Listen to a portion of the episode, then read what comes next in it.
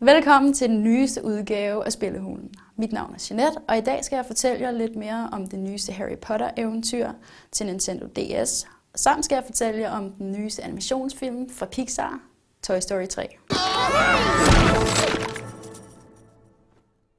New toys!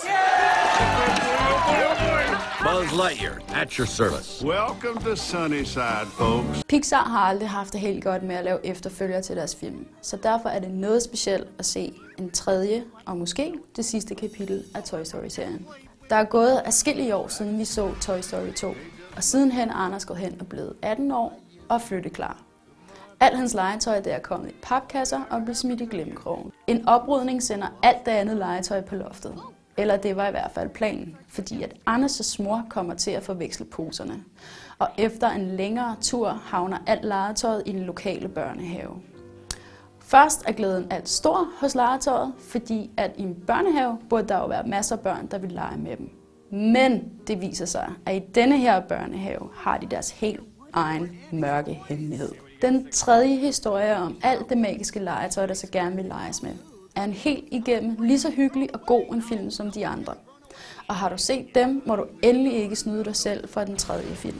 Historien fortsætter, hvor de andre slap, og selvom både Buzz, Woody og alle de andre figurer har nogle år på banen, er de stadigvæk lige så herlige og sjove, som de altid har været. Join Harry, Ron, and Hermione in Harry's toughest quest yet.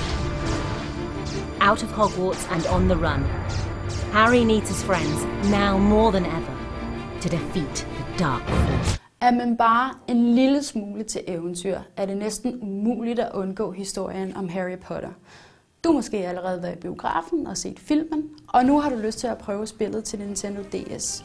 Men det er måske ikke sådan en god idé. Harry Potter and the Deathly Hallows på Nintendo DS følger historien for filmen og for bogen. Men i spilleversionen har man valgt at dele det op i forskellige opgaver.